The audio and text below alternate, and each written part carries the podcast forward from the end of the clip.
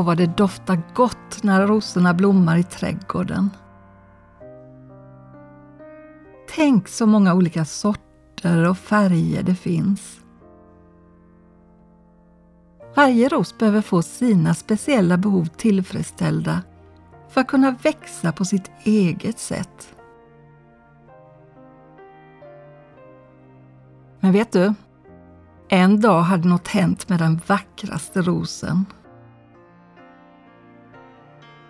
I början av sommaren såg den ju så fin ut, men en ettrig liten insekt hade varit framme och lagt sina ägg på bladkanten. Först på ett blad och sen på nästa och nästa. Och till slut hade alla bladen rullat ihop sig och hela rosen vissnade. Hur är det med hjärtats trädgård? Finns det blommor som har vissnat på grund av andra? Ord är kraftfulla. Ord förändrar inte verkligheten men kan ändra på sättet man uppfattar den. Och de är som ett filter genom vilket man ser sin omgivning. Andras ord kan ge näring och bygga upp, men de kan också skapa sorg och smärta. Det var kanske länge sedan du fick höra något som gjorde dig glad. Det finns kanske någon som har satt i system att skuldbelägga dig eller göra sig lustig på din bekostnad. Får du säga vad du känner och tycker utan att bli nedtystad och förlöjligad? Vet du? Ingen får dra ner ditt namn i smutsen.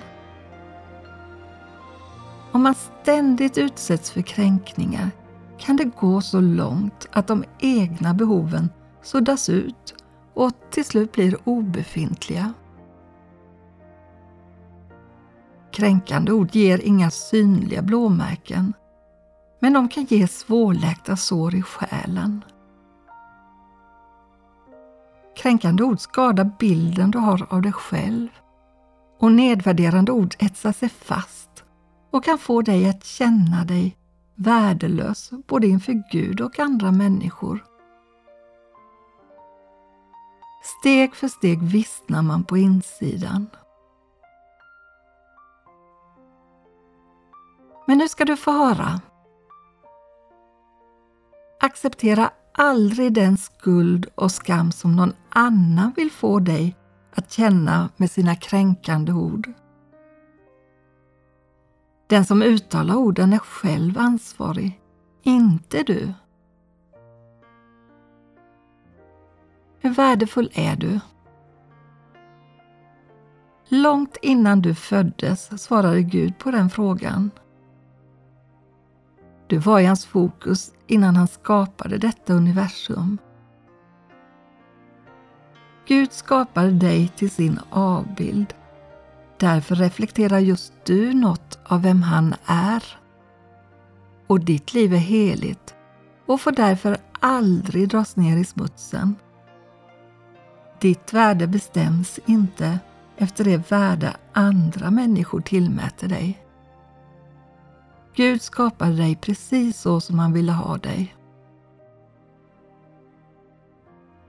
Din existens, ditt utseende och dina förmågor är inga misstag eftersom din skapare aldrig gör några misstag. Han såg dig när du formades i din mammas mage. Och alla dina dagar var bestämda långt innan dina föräldrar hörde dig skrika för första gången. Du, det är svårt att ändra på en annan människa som har satt i system att kränka med sina ord. Men ibland hjälper det att ändra taktik så att de kränkande orden förlorar sin kraft och inte når sitt mål. Vad accepterar du? Vad accepterar du inte? Du kan skriva en lista för dig själv.